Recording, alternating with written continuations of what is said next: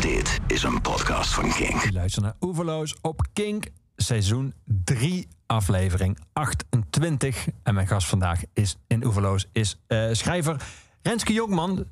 Renske, van harte welkom. Fijn dat je er bent. Dankjewel. Renske, we gaan het hebben over muziek, uiteraard, eh, hier op Kink. Maar we gaan het ook hebben over, en we gaan eh, spreken naar aanleiding van het verschijnen van jouw nieuwe roman. Die heb ik hier in mijn hand, Dit Verdronken Land uitgegeven door Nijger van Ditmar. Dan zit je volgens mij al jouw hele schrijfleven, hè? Ja, ik ben. Jullie zijn eh, uh, trouw aan elkaar. Ja, zeker. Ja, ik ben heel trouw aan mijn uitgever en het bevalt uh, tot nu toe goed. En, uh, dus ik, heb, ik zie geen reden om te vertrekken. Nou, heel goed. een prachtige cover overigens van dit verdronken land. we zien een man met gesloten ogen, met een, een grijze baard. Kwam, kwamen zij met deze foto? Of kwam jij met deze foto? Of hoe, hoe, hoe, hoe kwam deze man uiteindelijk op het boek terecht? Nee, ik ben zelf uh, met het beeld uh, gekomen. Ah. Uh, mijn man is fotograaf. En hij heeft een foto gemaakt van deze man. Het is een kluizenaar. Hij woont ook in West-Friesland. Het is een heel zonderling type. En toen mijn man die foto had gemaakt... had ik al een tijdje in mijn hoofd dat ik dacht van... dat zou eens een hele mooie cover van mijn nieuwe boek kunnen zijn. Ja, want die foto, Ja. die had, had hij al gemaakt. Die, die lag al in zijn archief. En Ja, die, ja. die is gaan maken naar aanleiding van het boek. Nee, hij had hem al gemaakt en dat zat in het archief. Ah. En dat, dat, dat speelde de hele tijd nog wel door mijn hoofd. En nou ja, naarmate het boek vorderde, dacht ik op een gegeven moment... hé, hey, dat zou eens een heel goed beeld kunnen zijn. Ja. En mijn uitgever vond het eigenlijk eh, direct een, ook een goed beeld. Dus eh, daar waren we snel uit. Ja, Ja, tof. Ook tof dat jouw man dan de, de fotograaf is van de cover van jouw boek. ja en, en de achterkant, hè, Ja. het portret. Ja. Dus ja, het is eigenlijk een samenwerking eh, qua, qua omslag. Dus dat is heel leuk, ja. Ja. Eh, eh, Deze man, die, die foto is wat ouder, maar die man is wel nog hopelijk bij leven en welzijn. Die, eh, Jazeker. en die weet ook dat hij eh, in de boekhandel ligt nu. Ja, dat weet hij ook. Ja, dus dat eh, boek is. eh, Dat je zegt, die kan me vast dat hij niet elke dag in de boekhandel komt. Nee, daar komt wel eens af en toe de winkel hoor. Ja. ja. Nee, hij, hij woont eh, alleen op een boerderij en het is Ja, ook een dat. markant figuur. Ja, Ja, maar ook West-Friesland boerderij, dat past ook allemaal perfect bij het boek. Zeker. Hij zijn ervoor geknipt. Maar het is een heel, heel sterk beeld. Ik kan me voorstellen, ik weet niet of je al... Natuurlijk heb je dat al gedaan, doet iedere schrijver... al in boekhandels bent gaan kijken hoe je boek erbij ligt. Zoals dat dan heet. Maar Mhm. dan valt hij waarschijnlijk ook op. Ja, dat hoop ik wel. Ja, ik eh, ben uiteraard even langs boekhandels gelopen om even te zien hoe die erbij ligt. En hij lag ook eh, netjes in de winkel in stapeltjes. En, eh, Kijk. Ja, dus ik denk, ik denk dat het een mooi aansprekend beeld is. Maar goed, dat is uiteindelijk aan de lezer, dat, aan, de, aan de koper. Ja. Of zij dat ook een aantrekkelijk beeld vinden. Maar ik ben er zelf in ieder geval heel tevreden mee. Ja. Ja. Jij hebt een uh, tijd lang, best wel lang, een column geschreven in het dagblad Trouw. Je had laatst je laatste column, je afscheidscolumn.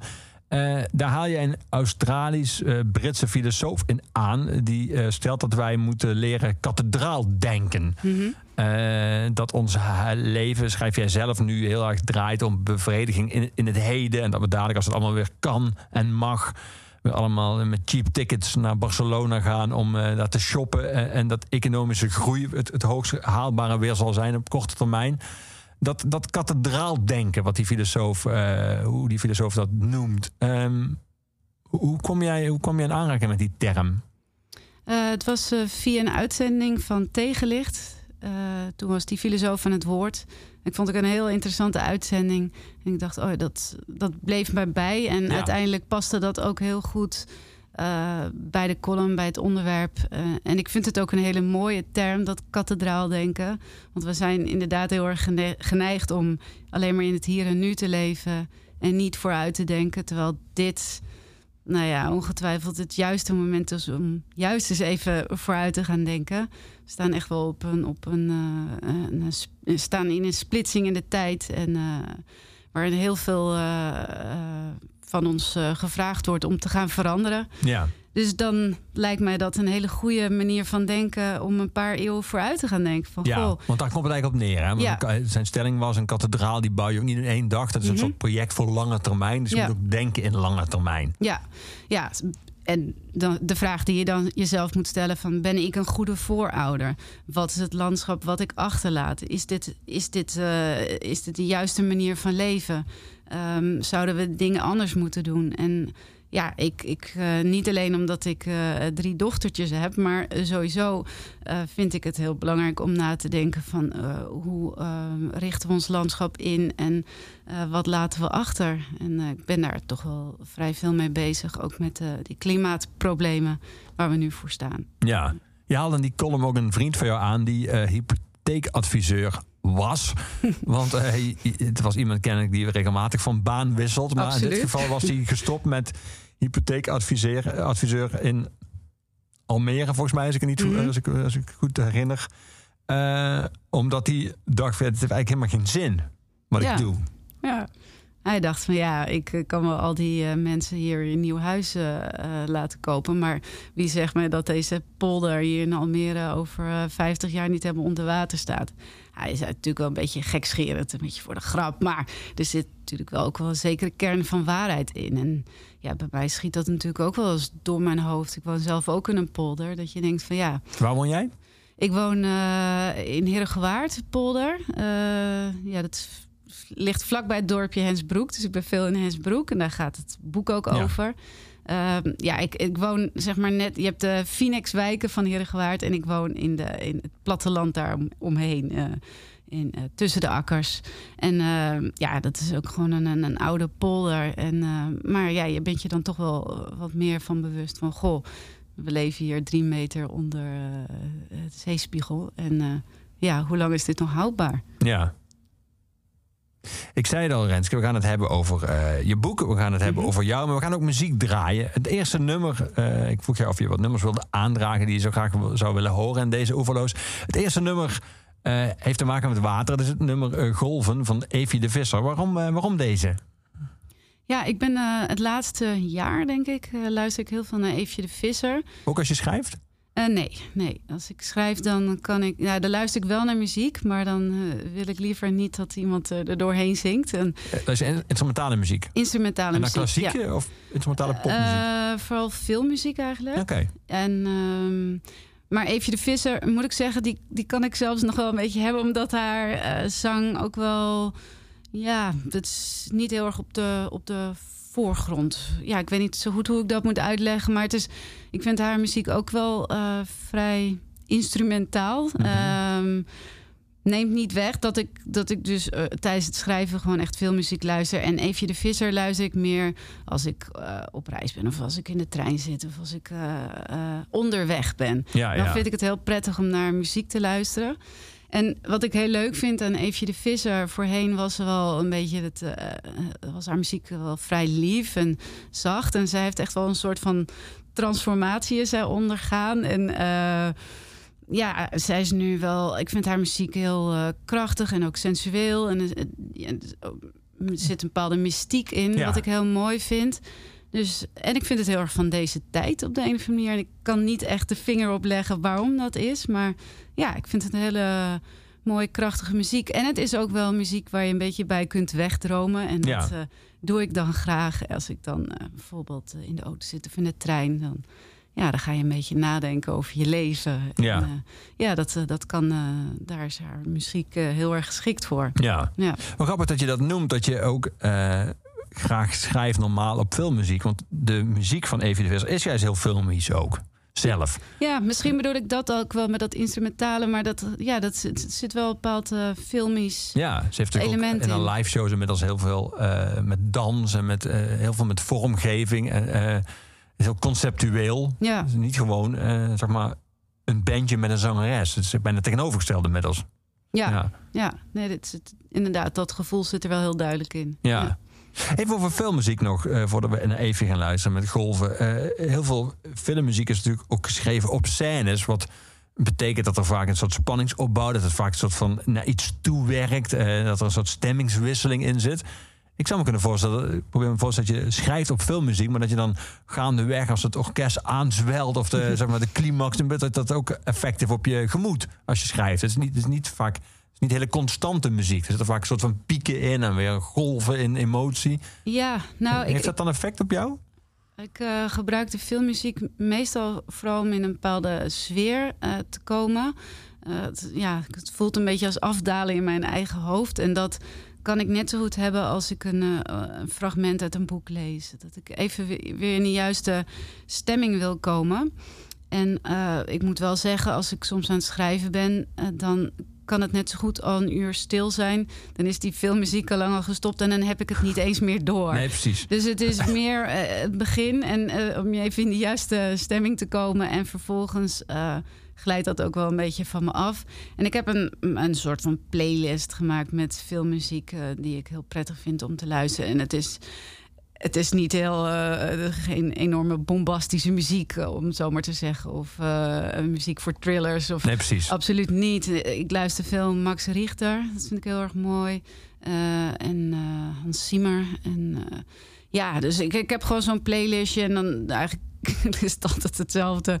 Maar blijkbaar werkt dat heel goed ja. voor mij, zo'n ritueel. En ja, ik misschien zijn er bepaalde hersengolven in mijn hoofd. En als ik naar die muziek luister, dan, uh, dan kom ik blijkbaar juist. Maar, maar ja. even voor mijn beeld. Uh, zet je die, die, altijd diezelfde lijst dan op shuffle? Of zet je die altijd gewoon aan vanaf het begin? Want dan zou ik me kunnen voorstellen dat de eerste tonen van het eerste nummer voor jou bijna een soort startschot zijn om te gaan schrijven. Of in ieder geval om in de stemming te komen voor schrijven. Ja, dat, dat is eigenlijk wel een hele leuke vraag. Want ik zet dus altijd precies hetzelfde nummer aan.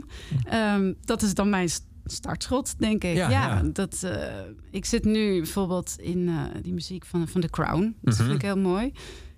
Als je me nu zou vragen wie heeft het gecomponeerd, geen idee. Maar ja, het is heel suf, want ik luister daar vrijwel dagelijks naar. Maar ik zet dat gewoon aan en het is gewoon een soort van achtergrond of ja, ruis.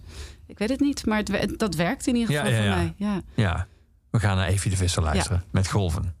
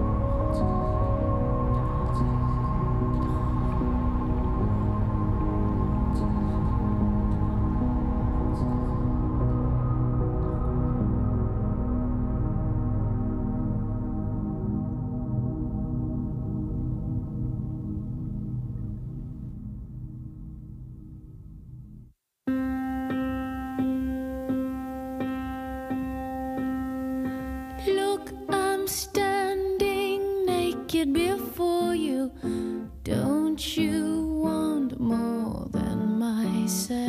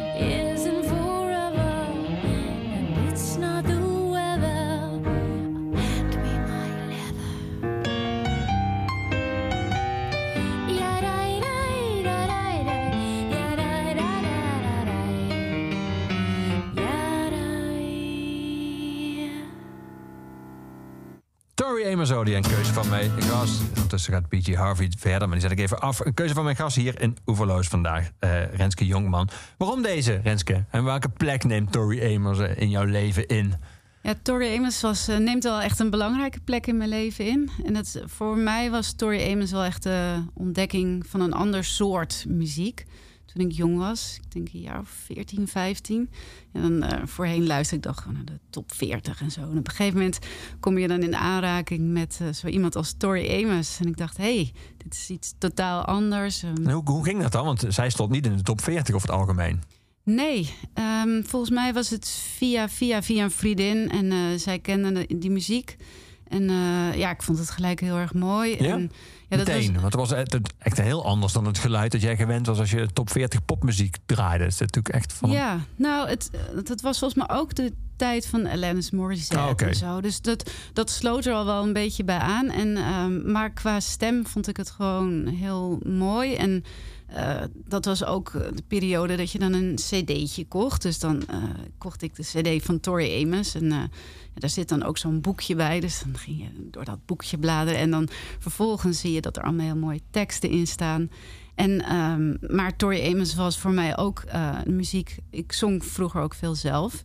Dus ik heb ook dit nummer heb ik ooit eens zelf gezongen. eh, vroeger eh, op school was je zo'n talentenjacht. En, dus met een piano erbij, dit nummer. Speelde jij zelf piano of had je een Nee. pianist bij? Nee, nee, er was dat een pianist bij en ik zong dit nummer. Ja. En, en qua eh, stem, ja, dat, dat, kwam heel erg overeen. En, ik, ik- ja, en sowieso vind ik de muziek prachtig. Eh, dus ja, dus zo kwam Tori Ames een beetje tot mij. En eh, ehm, dat was ook wel een periode dat je... ik was ook zo'n meisje die dan naar Fiona Apple luisterde. Ja. En Heather Nova. En dat was allemaal een, een beetje één in hetzelfde genre. Maar voor mij, ja, dat waren allemaal wel krachtige vrouwen... ehm, met, met eh, mooie poëtische teksten. Ja, En eh, dat ging allemaal even wat, wat eh, verder, zeg maar, dan, dan de gebruikelijke popmuziek. ja. In ieder geval voor mijn gevoel. En dus- zag, je ja. zo, zag je ze ook live? We gingen ook naar hun shows. Want die kwamen allemaal ook regelmatig naar Nederland. Zeker nee, nee, ik was niet zo iemand dat ik dacht van... oh, ik moet naar dat concert toe. Ik weet wel dat ik uitzending dan op televisie heb gezien van Pinkpop. En eh de Nova was toen ook. En, en Tori Amos ook. En dat vond ik wel heel erg mooi... om, om haar, eh Tori Amos, achter die piano te zien zitten... met enorme expressie op haar gezicht. Ja. En, ja, dat is echt wel zo'n podiumdier... Ja, dat- ik had een enorme bewondering voor haar. Eh, maar ik had niet zoiets van, ik moet per se naar een concert. Dat, dat heb ik nog steeds niet. Ik moet wel zeggen, ik ben... Volgens mij was het nou, tien jaar geleden of zo... ben ik naar een concert van Tori Amos geweest in Amsterdam. In het Concertgebouw. Maar dat was eigenlijk een behoorlijke tegenvaller. Want Ja? ze had haar hele gezicht verbouwd. En het was niet meer de Tori Amos zoals ik haar van vroeger kende. Want ik vond haar juist altijd iemand die eh, volledig haar eigen gang ging. En, Ja. zich eh, door geen enkel eh, ehm, eh, schoonheidsideaal liet weerhouden. En, dus dat, dat verbaasde me eigenlijk. Dus ja, dat was wel een is beetje... natuurlijk een beetje dat het idee van cosmetische ingrepen over het algemeen is dat je juist daardoor blijft wie je was. Eh, Sorry? nou ja, het idee is natuurlijk vaak dat, je, dat mensen als ze cosmetische ingrepen doen, doen ze dat meestal om jong, soort van, het, eigenlijk hetzelfde te blijven uitzien. Ja. het resultaat is eigenlijk nooit dat je denkt, oh, die is net zoals vroeger, maar dat je juist denkt, die is heel anders dan Nee, vroeger. ik vind het meestal doodeng om te zien eh, als iemand zichzelf zo verbouwd heeft. Maar goed, dat, dat terzijde hoor, dat, dat eh, doet er niet toe. Maar Nou ja, ik vond- je, ja. je noemt dat een van de dingen die is er tof van haar expressie. Die valt natuurlijk wel voor een deel weg als je. ja, ja zeker. Tori Amos was, was wel echt een, eh, ja, een eigen gereid eh, type. En eh, ze heeft ook een cd... Ik ik weet even niet meer welk album dat is, maar dan staat ze ook met een half ontblote borst met een varken die aan haar tepel drinkt. Ja, het is vrij bizar, maar dat was wel Tori Amos. Ze- ze- ja, er zit wel een, grote mate van originaliteit eh, Zeker. in haar. Piano-versies van nummers van Slayer en van Nirvana. Ja, Ja. ja.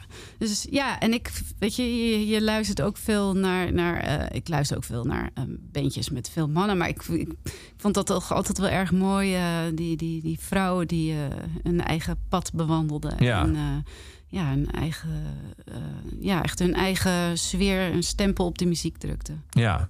Zing je nog steeds af en toe? Eh, te weinig. Ja. Hm. Slaapliedjes voor mijn eh, dochters. Nou ja, je hebt tot drie, zei je. Dus ja, dat- dus er, er worden heel wat slaapliedjes gezongen. Absoluut.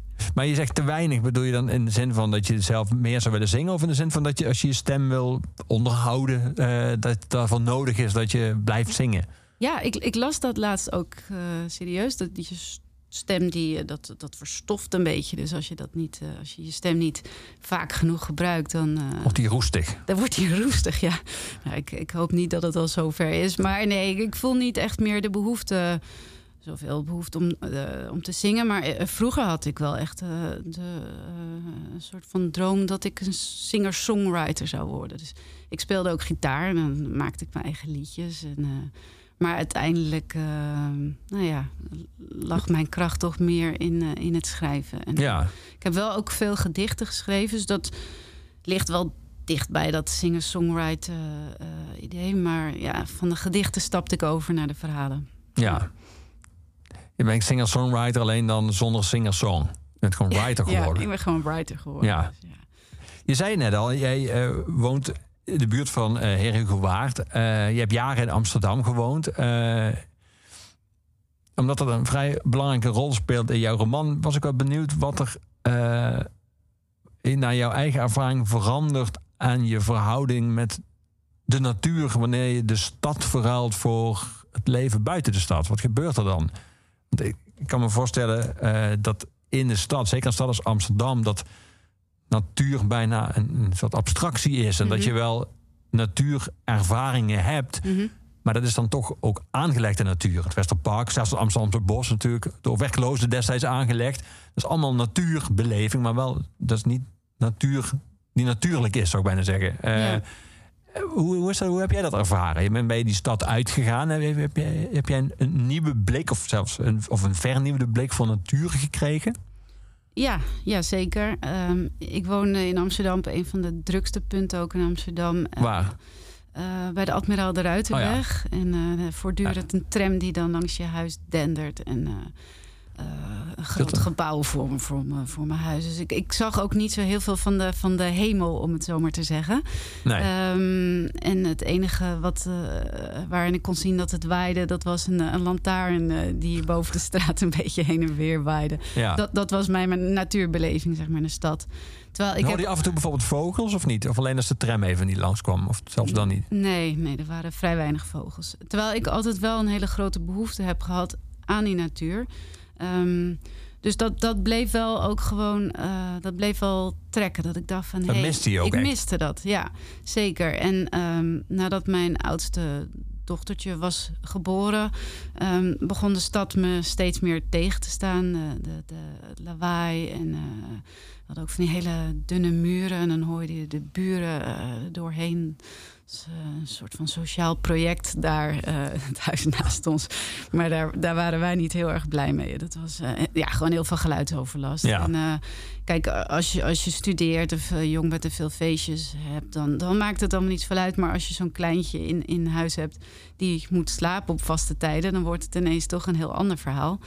En daarbij um, miste ik ook de concentratie, want ik schreef altijd uh, in de bibliotheek. Mm -hmm. Dus dan fietste ik elke dag naar de bibliotheek toe. En dan ging ik daar een paar uur zitten werken, uh, geconcentreerd. En dan fietste ik weer naar huis. Maar uh, thuis werken, dat was gewoon niet mogelijk, omdat het dus te gehoorig was. Dus uiteindelijk uh, zei ik tegen mijn man: Ik, ik wil de stad uit. Ik, ik, heb, ik heb het hier gehad. En um, nou ja, uiteindelijk dan zit je in die polder. Maar wij kwamen in februari aan in die polder. En ja, dan is het grijs en grauw. En heb je die populieren die heen en weer waaien. Dus het is niet de allerbeste periode om dan in die polder te gaan wonen. Um, dus ik denk dat ik wel een jaar nodig heb gehad om de stad uit mijn systeem te krijgen. Gewoon alle de drukte en... Uh, en uiteindelijk, ja, dan uh, ga je die polder ook weer op een nieuwe manier ontdekken, zoals je ook zegt. Ja. En ja, dan fiets je op je stadsbarrel uh, uh, door die, tussen die kale akkers en met windkracht 7 tegen. En, maar je gaat ook wel echt anders om je heen kijken. En ja, ik, ik wandel ook heel graag.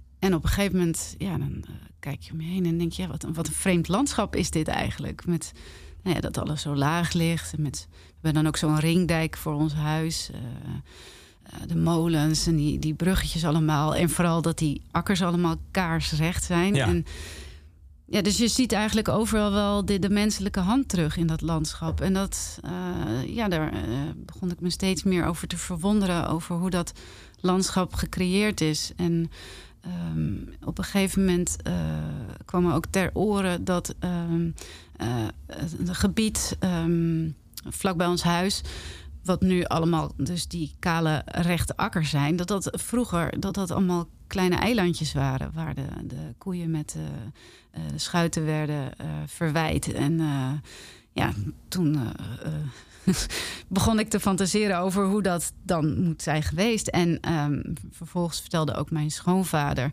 dat hij die periode ook heeft meegemaakt, dat hij dat hij met zijn koeien op de schuit zat. Mijn schoonvader is melkveehouder, om dat er nog even bij te zeggen.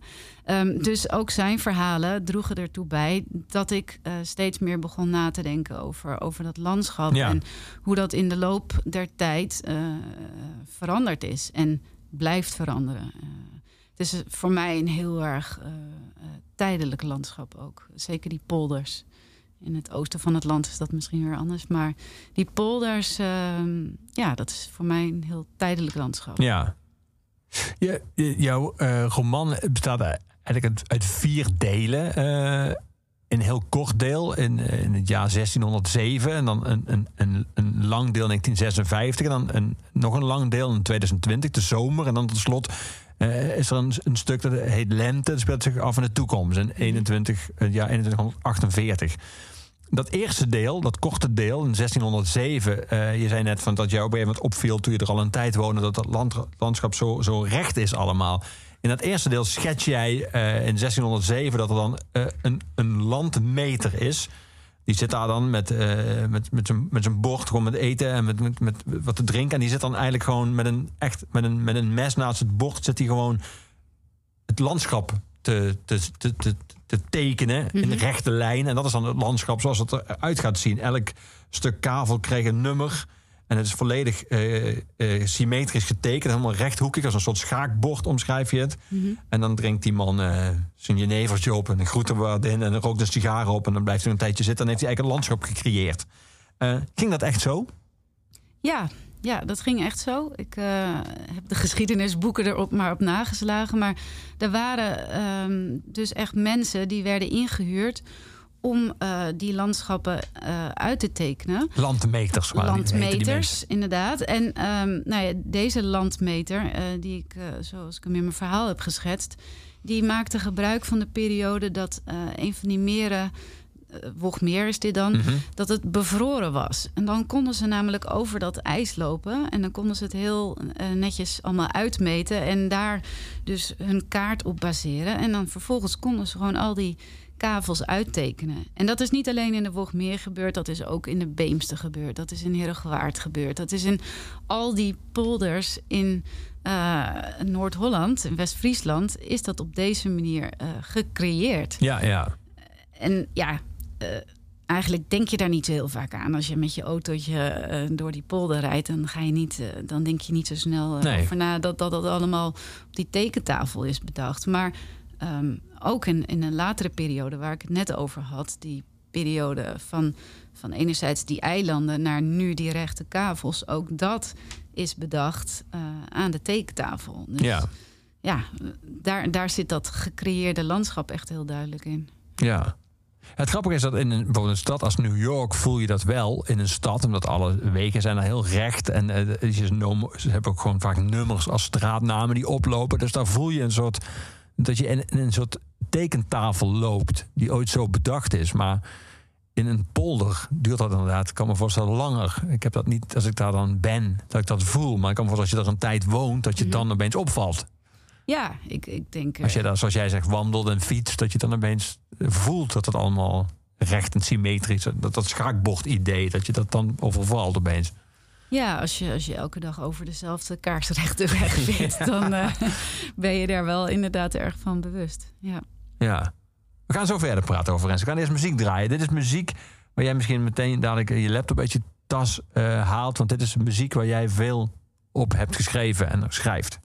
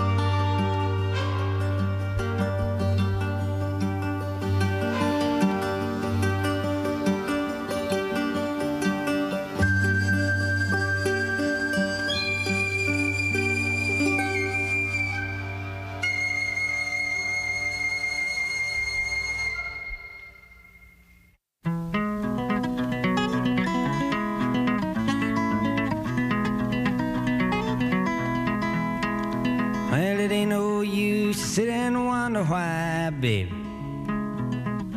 Even you don't know by now. And it ain't no use to sit and wonder why, baby. It'll never do somehow. When your rooster crows at the break of dawn, look out your window and I'll be gone. You're the reason I'm a traveling on. But don't think twice, it's alright.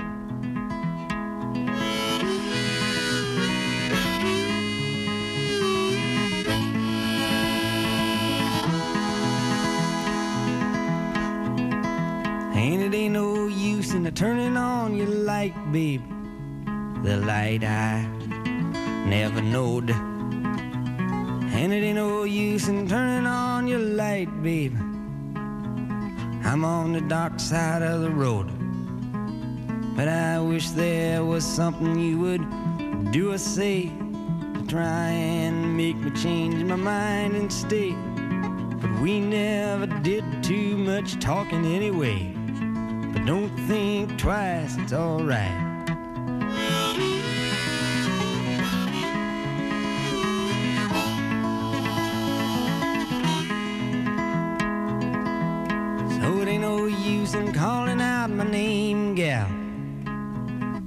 Like you never done before.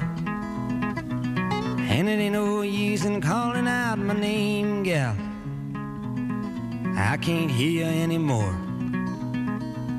I'm a thinking and a wondering, walking down the road. I once loved a woman, a child, I am told. I give her my heart, but she wanted my soul. But don't think twice, it's alright.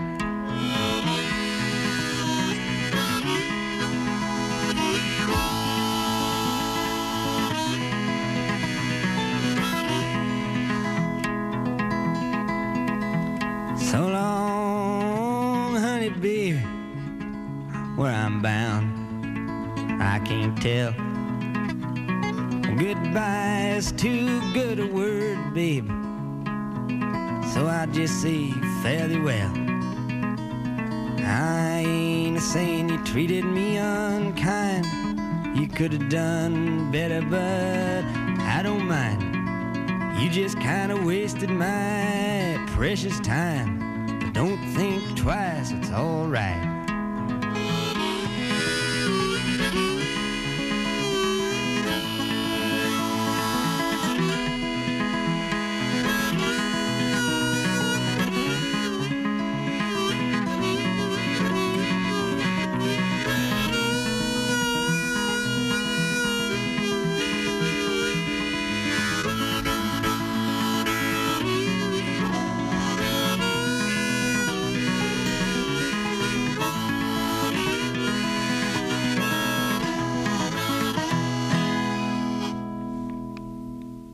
Ja, Bob Dylan hoorde je. Waarom deze, Renske?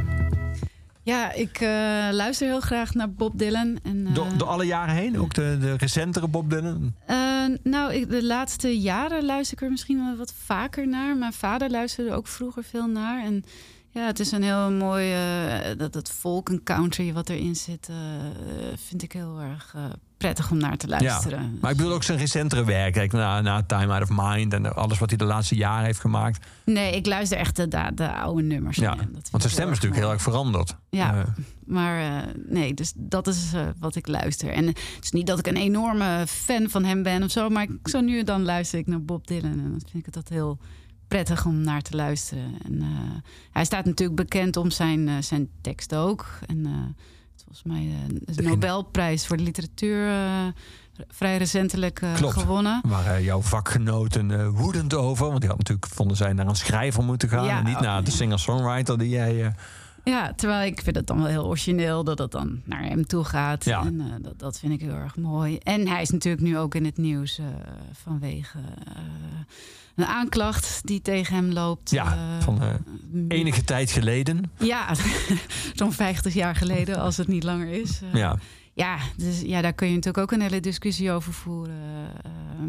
Ehm, Wat zou die discussie moeten behelzen dan? nou ja, eh, is, ik, mag jij zijn muziek dan nog luisteren? Hè? Dat wordt dan eh, gelijk geroepen. En, Nou, ja, ik dat, denk dat, we daar zojuist het antwoord op gegeven hebben. Absoluut. Ja, nee, maar dat is het. Die discussie wordt natuurlijk heel veel uh, nu gevoerd. En niet alleen over Bob Dylan, maar ook over andere uh, artiesten, kunstenaars, uh, Woody Allen. En, ja. Um, ja, dat, ik. Maar die discussie is ook wel mijn, voor, mijn, in mijn, voor mijn gevoel verschoven. Want los van de discussie die je hebt van. Je hebt zeg maar, de discussie van het onderscheid tussen de kunst en de kunstenaar is het inmiddels ook een discussie van oké, maar je hebt dan als je dan als je dat onderscheid niet wil maken of je vindt dat je dat er iemand iets gedaan heeft dat dat consequenties moet hebben voor zijn kunst, muziek, films, wat dan ook, is wel de vraag oké, maar wacht dan eerst of dat hij veroordeeld is of begin je al met consequenties trekken als de eerste beschuldiging wordt geuit en dat, ja. dat, dat daar is het een beetje naar, naar, opgeschoven. Ja, absoluut. Weet je, het is gewoon een heksenjacht en uh, uiteindelijk uh, mensen willen nu dan gelijk dat iemand hangt. Ik heb zoiets van, nee, laten we eerst strafrechtelijk kijken van... is iemand überhaupt schuldig? En, en vervolgens vind ik het ook dat, dat de kunst altijd losgezien moet worden van de, de kunstenaar. En we leven natuurlijk in een tijd waar, waar ook in de literatuur... waarin de schrijver echt bijna voor zijn boek gaat staan... Terwijl ik vind het uh, veel mooier als een schrijver af en toe ook even achter dat werk verdwijnt. En het werk voor zich laat spreken. En natuurlijk uh, schrijver uh, Sellinger, die, die ja, eigenlijk de anonimiteit is ingedoken. En, en het gaat om zijn werk. En ja, dat, dat vind ik net zo goed met, met de films van Woody Allen. Ik denk, ja, het zijn uh, fantastische films. Nou, eigenlijk niet allemaal. Maar hij heeft ook wel eens een mislukking ertussen. Ja, maar, maar met zo'n hoge productiviteit kan dat ook bijna niet anders. Ja, maar uiteindelijk, daar moet het om gaan. En ik, ik las ook dit jaar nog het oude werk van Celine, de schrijver van antisemitisme beschuldigd, nogal een, nogal een paar keer. Ja, maar uh, reis naar het einde van de nacht. En als ik dat dan lees, dan lees ik dat uh, met de kennis van nu. Van ja, die man was een antisemiet en de teksten die erin staan zijn heel erg racistisch. Maar ik bekijk het dan in de tijd waarin hij het heeft geschreven. En ja, ik vind dat je dat altijd op die manier moet doen. Maar het komt misschien ook door social media dat we het heel fijn vinden dat iemand gelijk hangt. Dat, dat er gelijk een oordeel wordt uitgesproken over van dit is wel of niet terecht. En uh, uh, wij mogen dit niet meer luisteren. Of wij mogen dit niet meer bekijken. Um, nou ja, daar ja. ben ik het dus niet helemaal mee eens. Nee, daarom draaiden we zojuist Bob Dylan. Ja, hard onder de riem. nou ja, dat... Goed, laat ik me daar voor de rest uh, ja. niet over uitspreken. Of vind ik onder de riem wel een hele goede woordkeuze in dit geval. Um, ik zei al, jouw boek bestaat uit vier delen. Uh, dat vierde deel, dat is wel uh, een bijzondere keuze die je hebt gemaakt. Lente speelt zich af in de toekomst, in het jaar 2148. en dat sluit eigenlijk aan bij iets wat je aanhaalt in jouw laatste column voor, uh, voor Trouw. Want in jouw, uh, in jouw laatste hoofdstuk wordt in het jaar 2133 een dijk doorgebroken. Uh, en dat komt eigenlijk, is eigenlijk dan een soort van officieel verhaal bij en een officieus verhaal. En het officieuze verhaal is dat verhaal van de overgeblevenen, onder wie de vissers, die constateren dat eigenlijk niemand zich meer om het eeuwenoude cultuurlandschap bekommert. Het kan geen mens schelen wat deze moeras, moerasdelta, dat deze moerasdelta ophield te bestaan. Dat deze grond waarop de mensen waren opgegroeid, waarop zij hun kinderen hadden zien opgroeien en de goden waren, was overgeleverd. Nee, ze hadden er geen zin meer in. Dat was wat de overheid zei. Ze vonden het te duur, ze vonden het te veel gedoe. Nou, gingen allemaal mensen, uh, schrijf je dan naar Arnhem en naar Nijmegen, naar het droge oosten. Uh, dat hele idee wat je aanhad van die uh, Australisch-Britse filosoof in jouw column, dat kathedraaldenken, dat is dan verdwenen. Mensen leven zo in het nu dat ze helemaal niet meer bezig zijn met het landschap om zich heen en welke plaats in de tijd dat inneemt. Uh, hoe kom je bij zo'n, nou, ook wel enigszins zou ik willen zeggen, droevig stemmende conclusie? Uh, misschien heb ik een heel droevige mensbeeld. dat zou ook dat zou kunnen. kunnen. Ja, um, ik, ik, denk uh, dat het wel heel erg uh, Hollands is om in dat hier en nu te blijven leven. En als het uh, economisch allemaal niet meer rendabel is, um, dan zetten we het onder water. Ja. ja. ik vind dat eigenlijk een heel Hollandse manier van denken. Ik, we, we blijven proberen. Ehm, we, we zetten onze technisch vernuft in. Maar als dat op een gegeven moment niet langer meer kan, dan ehm, zonder enige uh, weemoed zetten wij gewoon die polder met zijn kerken, uh, zetten wij dat gewoon onder water. Kijk, um, in landen zoals Frankrijk of Italië, um, daar zijn ze zich toch wel wat bewuster van, van de geschiedenis. Maar zoals ik al zei, of de geschiedenis van hun land, van hun landschap. Ja. Maar zoals ik al zei, is, is dat landschap in Nederland al uh, tijdelijk, omdat het voortdurend aan verandering onderhevig is. Ja. Dus zo'n scenario zou mij niet helemaal verbazen. Uh, nou ja, als, als we in deze tijd uh, leven. Uh, tenminste, als ik het vanuit deze tijd moet beredeneren hoe wij dat in de toekomst zouden doen. Ja. ja. Maar dat het droevig stemt, dat ben je wel met me eens, of niet? Ja, dat. Of zeg je dat, dat inmiddels in de volle aanvaarding dat het inmiddels ons, gewoon onze aard is? Zo zijn wij.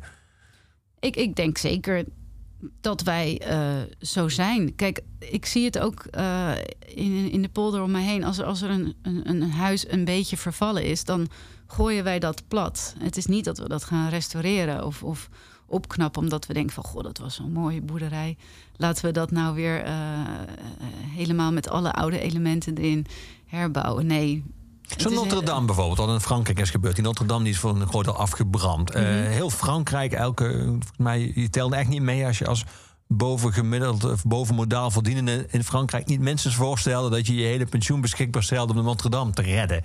Ja, precies. Dat, dat is heel erg. Als hier, als hier, als hier de dom ja. zou afbranden, uh, zou dat dan ook gebeuren, zoals in Frankrijk? Of zouden wij zeggen, nou, nee, hij is nu toch al half verkoold, laten we dan maar kunnen we ook een flat neerzetten. Ik, ik denk inderdaad dat wij, uh, nou ja, een schouder ophalen is misschien wat overdreven. Maar ik denk wel dat wij uh, um, ons daar wat makkelijker overheen kunnen zetten. Dat wij niet die, uh, die weemoed hebben of die, die nostalgie. En, en wij zijn een heel praktisch volk, denk ik. Dat zit ook wel in de aard van ons volk. Um, we zijn handelaars en um, dat, uiteindelijk moet het allemaal uh, functioneel zijn. Functioneel, ik denk dat dat ook wel het juiste woord is voor de Nederlander. Het, is een, het landschap moet functioneel zijn, de gebouwen moeten functioneel zijn. Ja. En als dat landschap niet langer functioneel is, dan uh, moeten we het misschien maar opgeven. Ja, bij dus juist heb jij gewoon in, in, in, drie minuten uitgelegd het grote mysterie van deze tijd. Waarom de VVD de grootste partij van Nederland is en altijd zal blijven. ja, nou ja, misschien moeten ze allemaal ook maar mijn boek gaan lezen. Ja, nee, maar die, die functionaliteit, dat, dat zit heel erg in, in onze maatschappij. Dat, uh, dat, uh, dat idee heb ik niet. Ja, ja. ja. Nou, dat heb je ook uh, grondig uitgewerkt in, in je roman. en zeker in dat bijna voor mijn gevoel apocalyptische uh, slotstuk.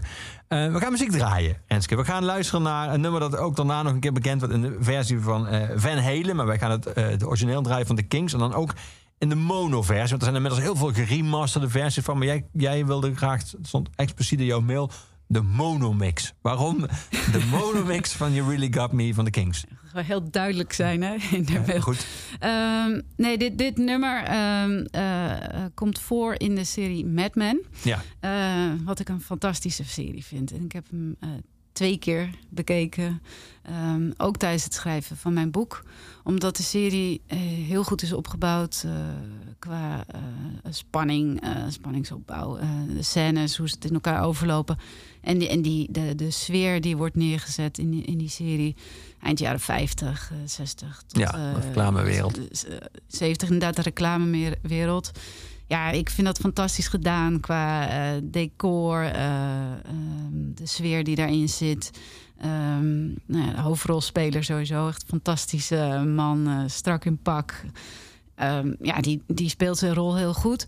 Maar dit nummer heb ik dan gekozen omdat dit uh, uh, een nummer is uh, wat afgespeeld wordt wanneer Peggy, een van de hoofdrolspelers ook, haar eigen route kiest en het kantoorpand verlaat, het reclamepand, het reclamebureau. En uh, ze heeft ontslag genomen en uh, ze stapt de lift in. En dan klinkt dit nummer uh, heel hard. En, maar gaat dat dan net ja. zoals altijd de Amerikaanse series... dat ze dan zo'n zo'n box heeft met alle spullen? Ja, absoluut. Oh, ja, ja. ja. zo'n zo'n kartonnen doos eh, staat ze dan eh, in de gang. Ja, ik, ik vind, ik vind rol ook echt heel erg goed in die serie. Ik, ik heb eh, ook wel eens een interview gelezen met Matthew Weiner, heet hij, scenario schrijver. En hij zei ook dat eh, Peggy is een van zijn favoriete personages. Omdat zij in dat mannenbolwerk, ja, verovert zij haar plekje. En eh, kan ze zich bewijzen. En Ja. dat is een hele mooie rol. Want die, die- in die nou ja, zeg in de jaren 50, 60 was dat natuurlijk gewoon één groot mannenbolwerk in, die, in de reclamewereld. En ik heb zelf ook een jaar in de reclamewereld gewerkt. Dus ik ken het ook wel een beetje van binnenuit. En misschien dat daar Maar, ook dat, wel. maar even, maar dat was decennia later. Maar is dat de, de kern daarvan dan nog steeds overeind? Dat dat een mannenbolwerk Mhm. is? Ja, dat was eh, zeker ook steeds wel een mannenbolwerk. Hoewel er ook wel tegen die tijd... Tenminste, toen ik er werkte, werkten er ook genoeg vrouwen. Maar het is nog wel steeds een beetje oude jongens krentenbrood natuurlijk. Ja, ja. Je zit met z'n allen daar te vergaderen. En eh, ja, ik, ik hoorde dan bij het clubje creatieven. Zoals eh, Peggy ook bij het clubje creatieven zat. En ja, er is er gewoon heel veel herkenning ook als, als ik die serie kijk. En ja, en, en ik vind de dialogen ook echt fantastisch in, in die serie. Het is gewoon heel scherp geschreven. En vandaar dat ik het ook tot twee keer toe heb bekeken. En ook gewoon om heel gericht te kijken van... eh, ja, hoe zitten die dialogen in elkaar? Waarom werkt dat zo goed? Ja, En, eigenlijk ook ter ja. inspiratie voor je werk, voor je eigen werk. Ja, want mijn verhaal speelt zich ook natuurlijk in, in de jaren 50 af. Ja, in ieder geval het tweede deel. Ja, waarin er ook heel veel werd gerookt, eh, gedronken. En eh, nou, niet zoveel als in de reclamewereld.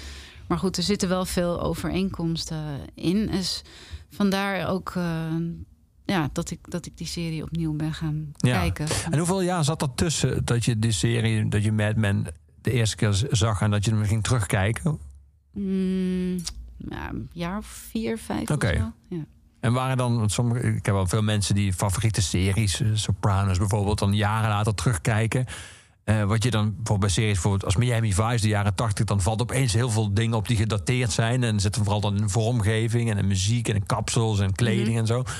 Eh, maar deze serie speelt zich natuurlijk sowieso al af van een andere tijd. ja, dus dat probleem is nee, er niet. heb je Nee. niet, nee. nee. Heb je maar wel andere dingen die dan vier jaar later je opeens opvallen dat er iets genialer was dan je had herinnerd, of juist minder goed dan je in je herinnering had? Of eigenlijk niet zo? Ehm, nee, het gewoon nog steeds de overtuiging dat het gewoon echt een hele goede serie is. En dat Ja. het gewoon heel goed in elkaar zit. En het- ook na de tweede keer valt het niet tegen. Dus dan eh, verwijzen ze daarmee dat het gewoon echt een hele goede serie is. Dat je dat gewoon twee keer kan bekijken zonder dat het verveelt. Ja.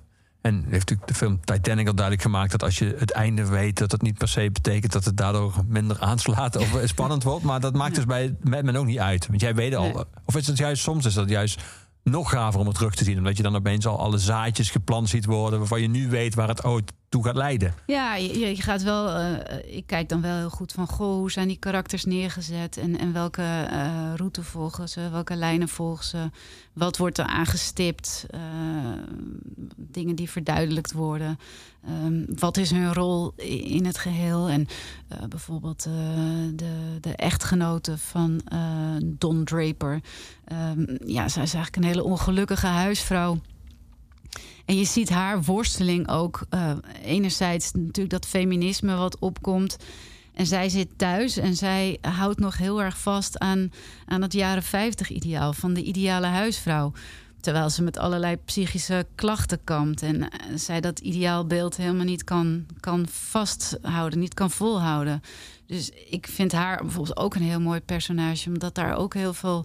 In haar zitten heel veel tegenstellingen. En, en, nou ja, dus dat, dat ideaalbeeld. En een heel ongelukkige vrouw. eh, Ja. eh, nou ja, wat ze eigenlijk is. Ja. We gaan dat nummer draaien. Dat Ja. klinkt als, eh, als zij die lift instapt met die houten, sorry, kartonnen doos in de hand met alle spullen aan ontslag heeft genomen. Dus de monomix, heel belangrijk van Hey, You Really Got Me van The Kings.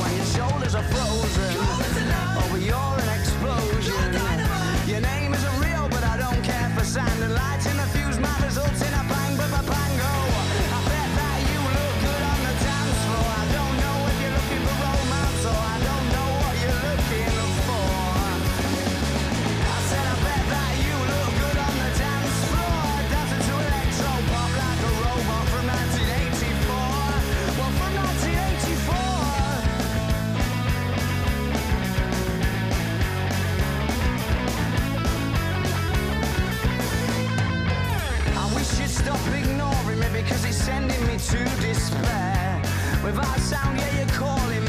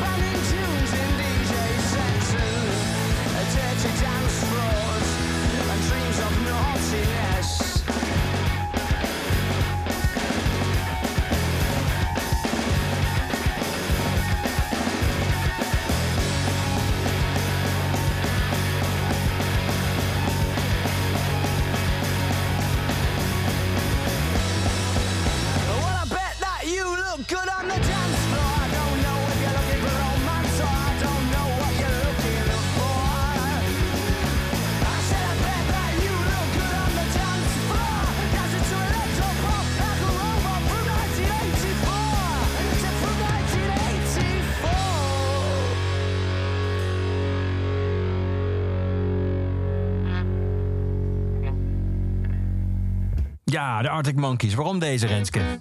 Oh, wacht even, ik ga door. Dat was eh Razorlight. Die kon er even doorheen knallen. Maar ik zet het gewoon af. Ja, Nee, die, die Arctic was niet Monkeys. nodig. Eh, ja, waarom Arctic Monkeys? Dat is, eh, voor mij was dat echt de muziek uit de, de jaren nul. Eh, toen ik nog in Amsterdam woonde en eh, wij heel veel uitgingen. Jouw stadsleven. Mijn met die, stadsleven, ja. met, dus met die luid- luid- luidruchtige buren. Ja, maar toen ik er nog heel veel plezier aan beleefde. Dat je zelf ook luidruchtig was. Ja, nee, dus je wel heel veel avondjes in, in een Paradiso en een Melkweg. En eh, ja, dan studeer je. En toen, toen kwamen al die bandjes opzetten. Zo Arctic Monkeys en eh, de White Stripes en ehm je nog meer Arcade Fire. Dus ja, dat, dat was allemaal echt eh, veel dansmuziek. Ja. Dus ik heb daar hele goede herinneringen aan. Dus vandaar eigenlijk ook gewoon dit nummer. Dat was voor mij, ja, dat zijn eh, toch wel vormende jaren. Zo eh, als je begin twintig bent. En ehm, ja, daar moet ik wel vaak aan terugdenken. Dat ik, stel ik me dan ook zo voor dat, dat ik dan later tegen mijn kinderen zeg: van ja, maar weet je, papa en mama dansten die muziek uit de jaren nul. Weet je, dat eh, begint nu al een beetje oud te worden, die muziek, gek genoeg. Ja. Ehm, ja, en ehm, ik, ik moet daar ook wel aan denken, aan, aan, aan de, de jeugd van nu, die tijdens die lockdown dan eh, allemaal eh, thuis hebben gezeten en niet naar eh, die clubs konden gaan en niet konden dansen. Terwijl als ik eraan terugdenk, aan, eh, aan die jaren, nou ja, toen ik begin twintig was, ja, dat zijn gewoon echt belangrijke jaren voor je. Dus als daar een half jaar zou zijn weggevallen. ehm, dat je niet eh, eh, die feestjes kon vieren met je vrienden. Dat je niet naar de kroeg kon. En ja, dan was, dan was daar zo'n gat gevallen. En ik probeer me dat af en toe voor te stellen. En kijk, voor mezelf was dat natuurlijk ook vervelend, zo'n lockdown. En kinderen die thuis zitten en thuisonderwijs moeten krijgen. Maar ja, ik, ik denk voor die jongeren is dat gewoon echt eh, nog veel zwaarder en moeilijker. Ja, Ja. ja. Er kwamen natuurlijk heel veel verhalen over verschenen. Inmiddels wat voor Ja. psychische problemen, eenzaamheid, gevoelens van depressie en zo dat heeft geleid. Ja, ik kan, me dat, ik kan me dat heel goed voorstellen. Ja. Zeker als je dan in de stad woont, dan wil je, dan wil je leven. En ehm, nou ja, deze muziek staat voor mij ook voor dat leven. En, Ja, eh, dat alles kan, alles mogelijk energie is. in, eh, ja, dit nummer ook. absoluut. Ja. Ja. die energieke, dat energieke zit er zeker in, ja. Ja. Die, de, twee broers waren het in het tweede deel, eh, zeg maar in herfst, het deel herfst van jouw roman, 1956 begint dat eh, omdraait, eh Krijn en Lucas. Die krijgen op een gegeven moment die, die, het soort van eerste inzichten dat er nieuwe, nieuwe tijden aankomen. En dan beschrijf je op een gegeven moment hoe, hoe, hoe het eigenlijk is om in die tijd zeg maar, een boerderij te hebben. En dat, dat lijkt eigenlijk op een soort van alsof je tijd een soort van stratego moet spelen. Eh, je schrijft dan een landgrenzen vanzelfsprekend aan het land van de buren. En zodra je je oog liet vallen op een akker aan de overzijde, zonder uitzondering groener en vruchtbaarder, dan kan je twee dingen doen: eindeloos tot God bidden, of proberen die buurman zo gek te zien te krijgen dat hij zijn stuk land aan jou verkocht. En die ander moest je eerst doorgronden op het ziekelijke af. Je moest op de hoogte zijn van zijn dromen, van zijn dominante vrouw, zijn kwaaie streken. Je moest voortdurend meer weten dan de rest. Net zo lang blijven wachten tot de ander het opgaf. Hij elkaar de hand kon schudden op een fortuinlijke overname van een nieuw stuk land. Je schrijft dan ook: de grootste boeren behoren tot degene met de meeste contacten, behept met het meeste geduld, die van alles op de hoogte zijn.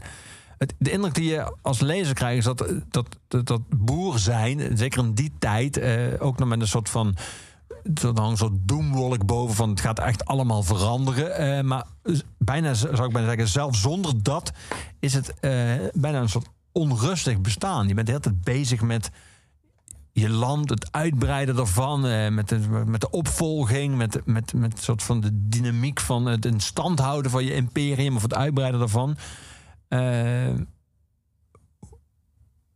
Ja, hoe treffend is dat? Is dat is, heb je dat moeten overdrijven voor de, voor de spanningsboog van, eh, van je roman? Of is dat ook echt, denk jij, uit jouw research zoals het toen, toen al, en misschien inmiddels nog steeds, was?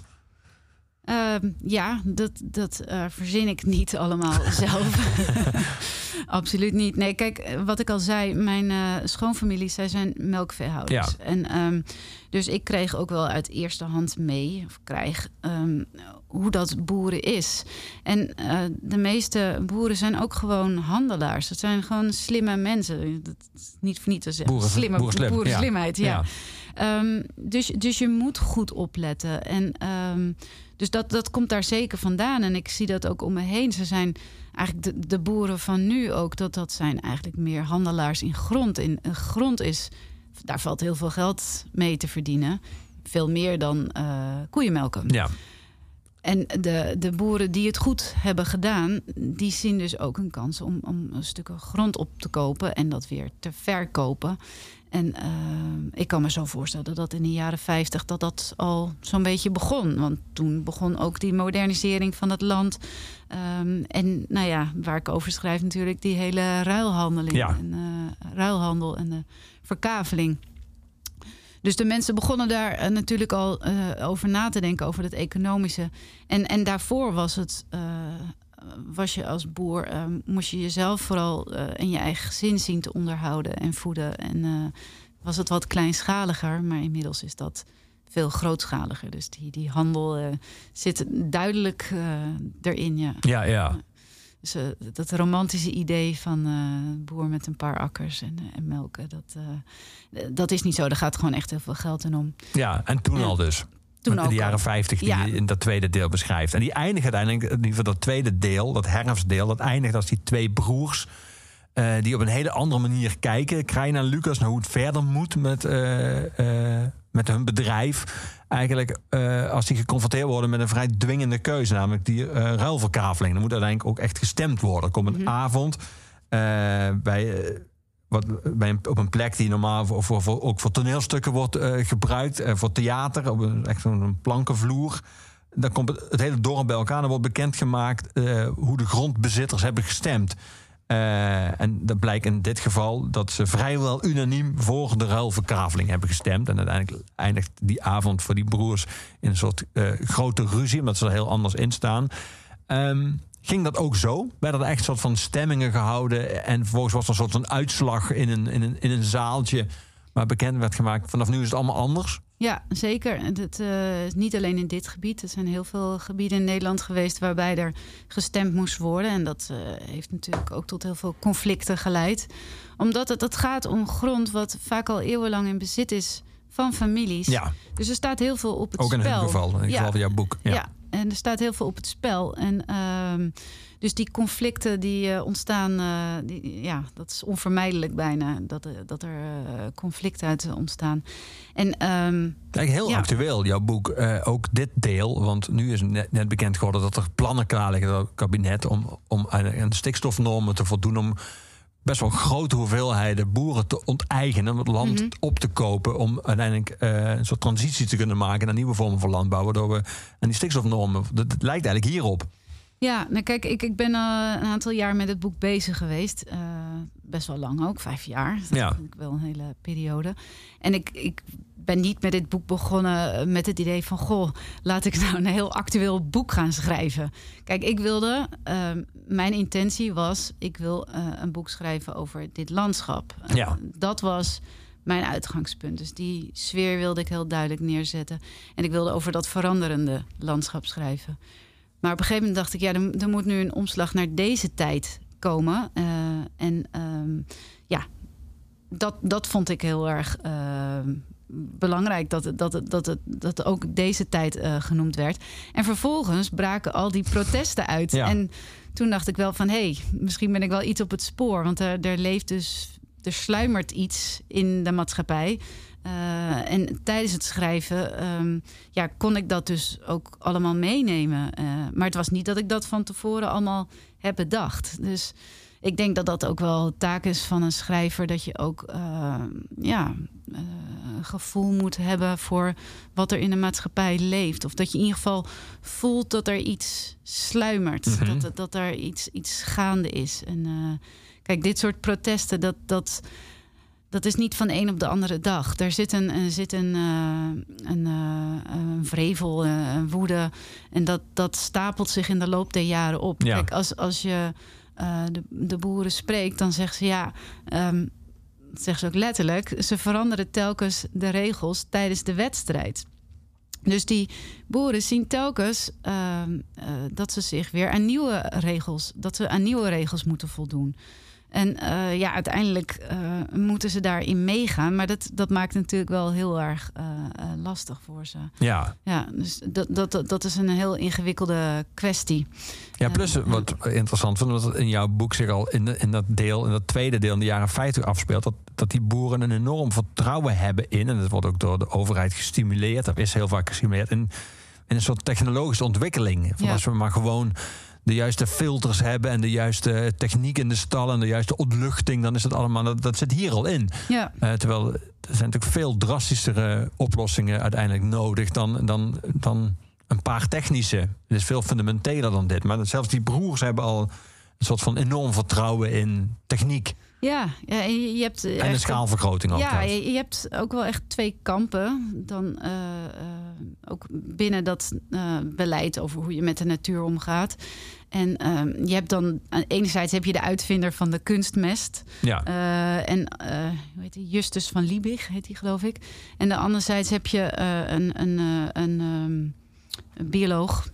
Eh, en eh, hij zegt, uh, McCarrison heet hij.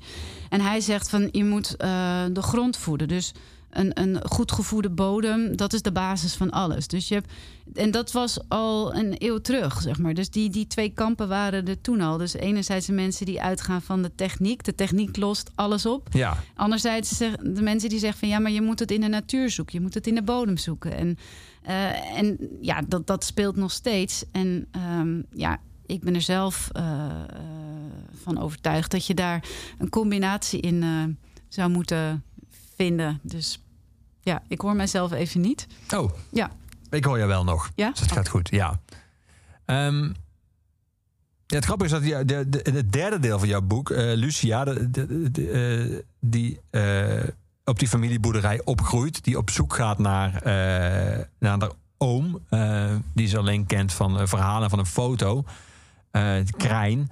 Die, eh, die zegt volgens mij eh, zelfs letterlijk dat zij door kunstmest heeft kunnen overleven. Ja. ja, kijk, je had vroeger die, de boerengezinnen en iedereen moest meehelpen. Ehm, maar door die uitvinding van die kunstmest... ehm, ja, waren de oogsten ineens groter. eh, het ging allemaal wat sneller. En eh, ook dus weer die techniek. Ehm, dat was in het voordeel van, van heel veel boerengezinnen. Dus het heeft ons ook heel veel gebracht. En dat vergeten we wel eens tijdens de discussie van... Ja, dat het ons uiteindelijk ook heel veel gebracht heeft. Mhm. Want de mensen in die boerengezinnen...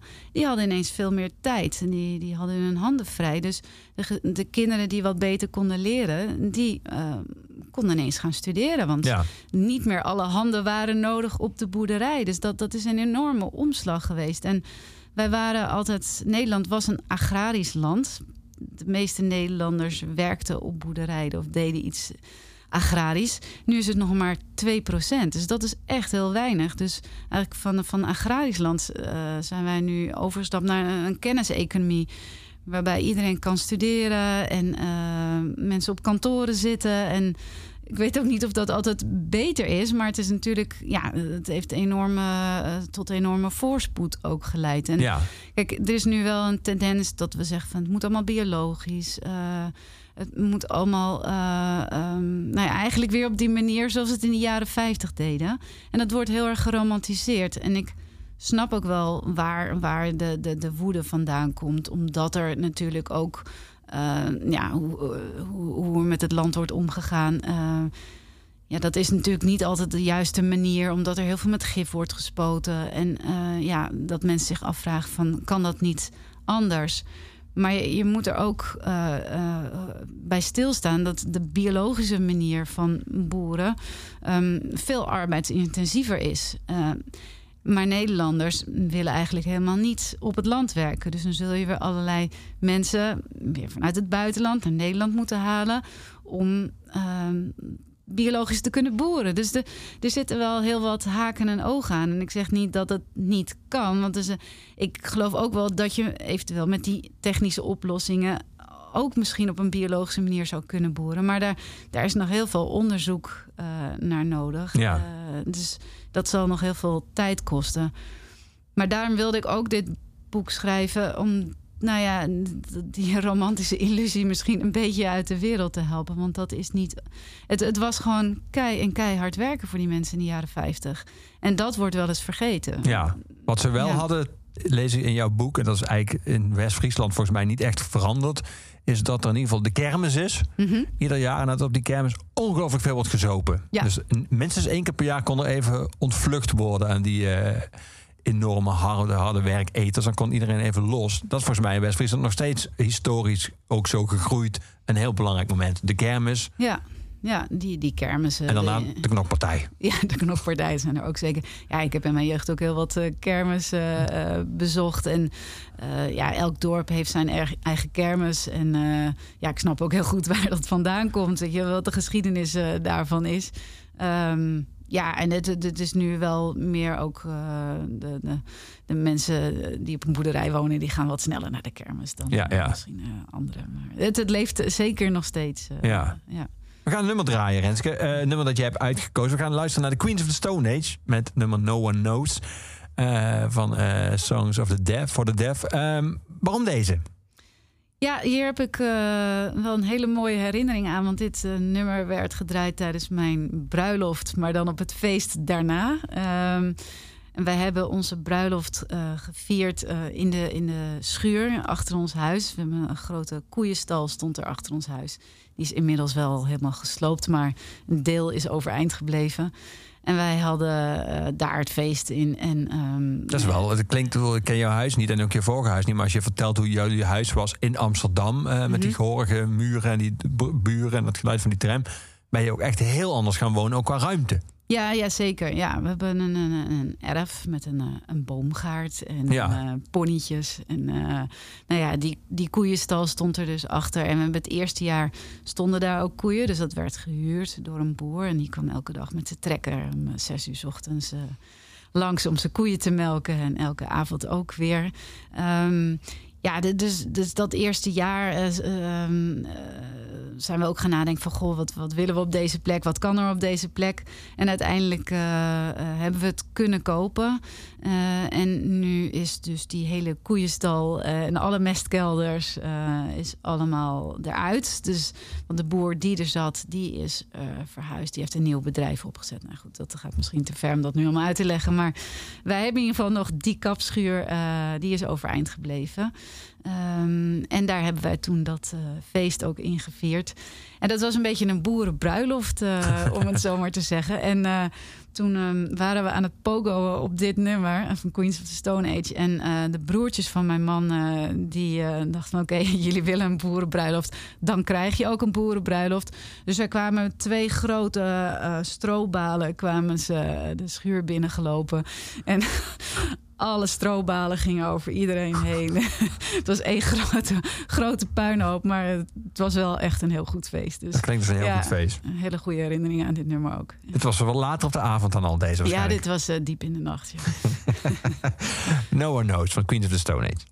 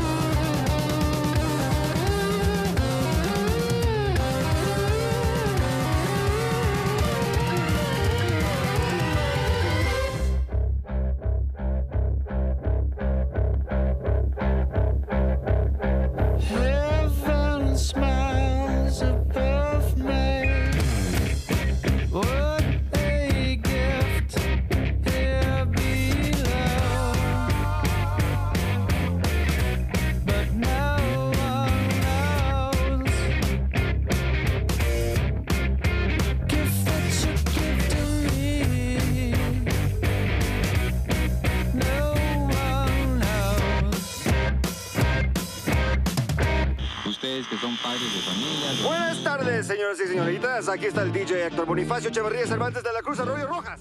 Ja, de Queens of the Stone Age hoorde je. Van die buren, boerenbruiloft van jou. Jij maakt in het derde deel van, uh, van je roman, uh, waar het uiteindelijk uh, gaat om Lucia, die op zoek is naar, zoals die inmiddels heet, even, even spieken, Cowboy Billy Omekrijn. Mm Maak je een perspectiefwissel. opeens spreek je vanuit Haag, schrijf je mm -hmm. vanuit Haag. Dat is een verrassende keuze. Dat heb ik niet zo heel vaak romans gezien. Dat je op best wel een laat punt, in het derde deel van de vier... niet dat je zegt dat je kiest voor een, een ander personage dat de hoofdrol overneemt. Maar wel dat je dan ook het perspectief kantelt. Hoe kom je daarop? ik wilde echt een heel duidelijke omslag maken, ook uh, naar deze tijd. Ja, nou, fijn en goed om te horen. Ja. Nee, ik vond dat wel een mooie, mooie manier. Ik heb dat ook gelezen in, de, in het boek van uh, Lisa Halliday, Asymmetry. Dat is ook zo'n hele duidelijke omslag in het boek. Echt ook in, in, in het midden. En dat sprak me heel erg aan. Toen dacht ik, oh, dat, dat, dat, zie ik wel voor me bij dit boek. Ja. Waardoor je ook als, als lezer dat je gewoon er weer even bij bent. Dat je denkt van, hé, hey, hier, hier gebeurt iets. Dit is weer heel anders. Nu moet ik alle lijntjes, alles wat is uitgestippeld... moet ik weer opnieuw gaan bekijken. En van waar ben ik en, en waar gaat dit nu heen? Dus uh, ook gewoon, uh, ja, nee, ik denk niet, ik ben niet zozeer bezig hoor met, met de lezer als ik aan het schrijven ben. Maar ik wilde wel, wat ik zeg, heel duidelijk die omslag ja. uh, in dat verhaal uh, in verwerken. Ja. ja. Even als het gaat uh, bij dat, uh, dat derde deel van het boek, uh, dat zich dus 30 jaar later afspeelt, als Lucia op zoek gaat naar die cowboy Billy Omekrijn. Um, dan gaat er weer even over een migratieplan. En er wordt een beetje op, een rij gezet wat het zo zou behelzen als je, als, je, als je verhuist naar een ander land. Aanmelden als zakelijk immigrant, aantonen over hoeveel vermogen we beschikken. Medische verklaringen afleveren, contact opnemen met het immigratiebureau, uh, het betalen van application fee, en, enzovoort, enzovoort. Toen ik dat las, dacht ik van: oké, jullie, jij en je man, jullie gezin, uh, hebben we besluit genomen om Amsterdam te verhuizen naar een ander deel van Nederland. Ook echt een ander deel qua uh, qua gevoel, qua uh, grootte van je, van je huis, qua na natuur, qua voorzieningen. Maar toen ik het las, heb je, heb je ooit overwogen om, om te migreren? Nee, nee, hm. dat heb ik zelf uh, nooit de behoefte aan gehad. Maar het speelt wel binnen de familie. Dus dat is misschien het autobiografische element waar je wellicht naar verwijst. Maar um, binnen mijn schoonfamilie, mijn zwagers en mijn schoonzusjes... Um, zij hadden echt uh, hele duidelijke plannen om te gaan emigreren naar Canada. Um, en ze zijn inmiddels ook geëmigreerd naar Canada. Um, en ja, tijdens een zoektocht ja, dan, uh, leefde ik uiteraard mee. Van, ja. ja, waar, waar, wat, wat, waar zijn ze nu en wat willen ze, wat hebben ze op het oog? Dus dat uh, ja, vond ik ook een heel mooi uitgangspunt ook voor dit boek. Van hey, je gaat weer je horizon verbreden en uh, uh, kijken wat er nog meer mogelijk is. Dus ja, dat heb ik wel echt daarvoor goed kunnen gebruiken. Ja. ja. Maar jou, jij had niet de behoefte, jij had behoefte aan iets nieuws, een omslag, maar niet een ander land. Nee, ik, ik ben ook misschien niet zo'n reiziger. Ik moet wel zeggen dat uh, onlangs bij mijn boekpresentatie werd terecht opgemerkt dat in mijn boeken veel gereisd wordt. In ieder geval in mijn vorige boek. Ja, vorige boek was een road ja, novel. Ja, en in dit boek wordt er ook weer gereisd. Ja. Maar eigenlijk ben ik zelf een hele. Ja, ik ben, ben, zelf een hele slechte reiziger. Want ik, slechte? Uh, nou ja, ik, ik, ik, Vergeet je alles? Dat niet. Nee, ik, ik uh, word snel wagenziek, zeeziek. Oh. Dus een hoogteziekte heb ik ook zelfs een keer gehad. Dus, ook vliegangst? Uh, vliegangst heb ik ook. En dan heb jij wel alles genoemd waardoor ja, je niet op reis kan. Ja. Daarom. Dus het is, maar aan de andere kant ben ik wel heel erg nieuwsgierig naar andere landen. Dus ik ga wel op reis, maar uh, niet te vaak. Um, dat ik mijn omgeving dat niet wil aandoen. Uh, maar via mijn boeken kan ik ook uh, prima reizen. Maar je wil je omgeving niet jou aandoen die op reis gaat? Ja, ja, ja, okay. ja mijn ellende en misère. dat, dat wil ik ze zeker niet aandoen. Nee. nee, daar wordt niemand echt gelukkiger van. Nee. Op een gegeven moment uh, zegt Lucia, dat was een getal dat ik niet kende, een cijfer dat ik niet kende. Het schijnt dat de gemiddelde Amerikaan zo'n 93% van zijn tijd binnenshuis doorbrengt. Tenminste, als ik de wetenschappelijke onderzoeken binnen mijn vakgebied moet geloven. Wauw. Ja, dat is veel, hè? Dat vind ik heel veel. Ja. Als je dat nou eens op jezelf loslaat en je zou dat vergelijken met eh, van eh, jouw jaar in Amsterdam naar nu. Wat, wat voor percentages kom je dan uit? Ja, ik kom nu op een compleet ander percentage uit. Ik ben, ik ben heel veel buiten. weet je. Het begint eigenlijk al 's ochtends. Dan eh, ga ik buiten mijn koffie drinken op een bankje in de zon. Dus dan eh om Maar- acht uur 's ochtends. Bij zon of ook weer of geen wezen? Nou, ook, ook weer, of geen- als, als het een beetje bewolkt is, ga ik ook buiten zitten. Nee, ik heb zo'n zo'n en dan leg ik die wel gewoon over mijn benen. Ik, ik ben gewoon heel graag buiten. En we hebben een moestuin, eh, daar werk ik heel graag in. En, en, en een tuin. Ehm, en, maar mijn kinderen zijn ook heel veel buiten. En dat was ook wel een van de redenen voor mij om eh, hierheen te verhuizen. Omdat ik ook ja, dat, dat buitenleven gewoon heel erg miste. En ook gewoon het licht. Weet je, dat licht, dat doet ook wel iets met je. Ehm, toen ik in Amsterdam woonde, ja, dan werd ik 's ochtends wakker en dan zat ik in mijn huis en dan fietste ik even met mijn zonnebril op eh, naar de bibliotheek. En dan zat ik vervolgens vier uur in het TL-licht. En nou ja, misschien dat ik tien minuten even buiten stond eh, koffie te drinken. En dan vervolgens fiets je weer door alle drukte naar huis. Maar veel buitenlucht eh, of licht zag ik niet. En Dan moet je je zonnebril afdoen. De zonnebril afdoen, ja, absoluut. Maar nee, kijk, ik, nu...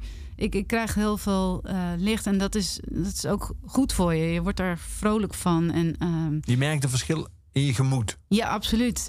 En eh, ik sta ook vroeg op, zes uur, half zeven. En ja, dan, ik heb dan gewoon echt de behoefte gelijk aan het daglicht. En ik ben ook eh, s s'avonds een uur of negen, tien of zo... dan is het ook wel klaar voor mij. Terwijl... Dus je hebt een heel ander ritme. Ik heb een heel ander ritme. En dat was ook wel heel grappig toen wij hier kwamen wonen. Die, wat ik vertelde, de boer die de, schuur bij ons huis huurde. En die kwam dan 's ochtends om zes uur met zijn trekker aan in het donker. En eh, dacht ik, jeetje, wat vroeg. en, eh, maar gaandeweg ga je mee in dat ritme. Je zit op een gegeven moment Terwijl die boeren zijn met als weg, zei je. Dus je hebt zijn ritme ja, maar wij, overgenomen, wij hebben zijn ritme overgenomen. Ja, en het komt misschien ook doordat ik kinderen heb, dat je sowieso eh, natuurlijk wat vroeger wakker wordt. Maar nee, ik, ik, ik zit wel in een, in een totaal ander ritme. En voor mij werkt dat in ieder geval heel erg goed. Ja. Ik heb heel veel structuur nodig, eh, in ieder geval om goed te kunnen werken en schrijven. Dus eh, ja, voor mij werkt dat heel erg goed. Ja. Ja. Merk je ook, want je hebt jouw boek zijn al opgedeeld in vier delen. En al die delen zijn genoemd naar een, eh, een jaargetijde. Merk je ook meer van het verschil in jaargetijden nu je daar woont? Want als je in Amsterdam eh, weinig licht hebt, heb je dus ook weinig verschil tussen of het vroeger donker wordt en of het eh, allemaal dat soort. Ja, je, bent je er absoluut eh, heel erg van bewust. Kijk, als, als ik naar buiten loop, dan kijk ik twee kilometer in de verte. zie ik enorme hemel boven me met wolken in alle vormen en kleuren. Dus, en het waait ook harder daar. Dus je bent, ja, je bent je veel meer bewust van eh, de elementen, om het zo maar te zeggen. En daar kun je je niet zoveel bij voorstellen als je in de stad woont. Maar als je daar woont, ehm, dan ehm, ja, ben je daar veel meer mee bezig. En ik, ik weet Ja. ook nog dat ik dat boek eh, van Emily Bronte las, Wuthering Heights. Ehm, en daarin eh, speelt, speelt de natuur ook zo'n zo'n heel eh, een, belangrijk, een belangrijke factor in het boek. En dan heb je ook de hele tijd die wind die tegen die ramen klapt en die takken tegen, tegen die ramen. En, en ja, die, die woestheid van dat landschap. En toen dacht ik, ja, maar dat is niet alleen een Engels landschap. Dat is hier in Nederland is dat net zo goed. Eh, als het bij onze herfst is dan, dan, eh, en het is windkracht 8, dan, dan knalt dat tegen de ramen. Ik heb vaak genoeg dat ik s s'nachts rechtop in bed zat. En ik dacht van oké, als dat dak er maar op blijft zitten. Want dat, ja, dat blaast over al die akkers heen zo tegen je huis aan.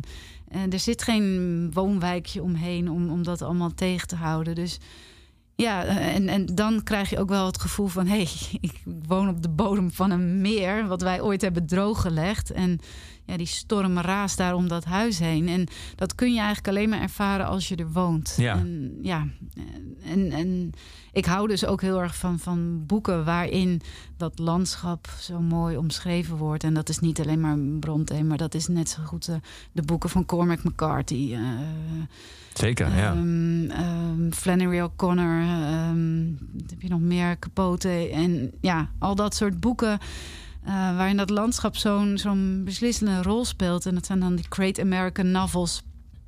En ja, dat vind ik fantastische boeken. En dus zo kwam ik ook op het idee om dit boek te gaan schrijven. Ik dacht, Ja. ik wil die ziel van Nederland vastleggen in mijn roman. En, eh, en ook zeker de, de relatie tussen de mens en het landschap eh, daarin. Ja. Ja.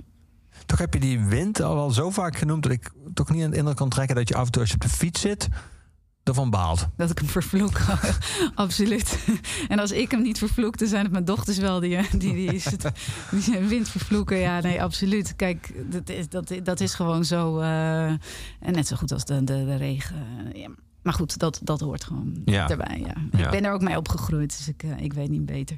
En dat vind ik ook mooi hè, van, van de, de Hollanders. Er zit zo'n.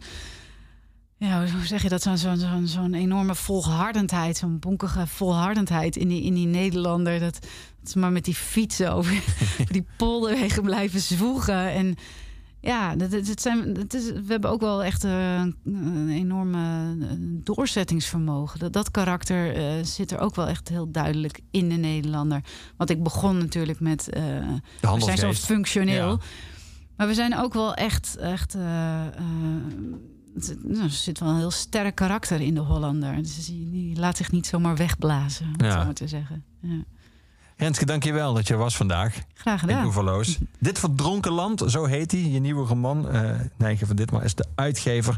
Je ziet hem meteen liggen. Dat is de, dat boek met die eh fraaie kop. Ja, klinkt een beetje onerbiedig kop, maar dit is gewoon echt zo'n markant hoofd eh, van die eh kluizenaar uit West-Friesland dus. Door Renskes man op de foto gezet. Die zijn ogen sluit en met zijn grijzende baard prom, pro- ja, heel prominent op die cover staat. Dit verdronken land, Renske Jongman.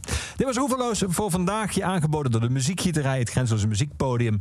Het laatste woord van iedere Oeverloos is aan onze postuum huisdichter Luc de Vos. Dus het laatste nummer is altijd van Gorky.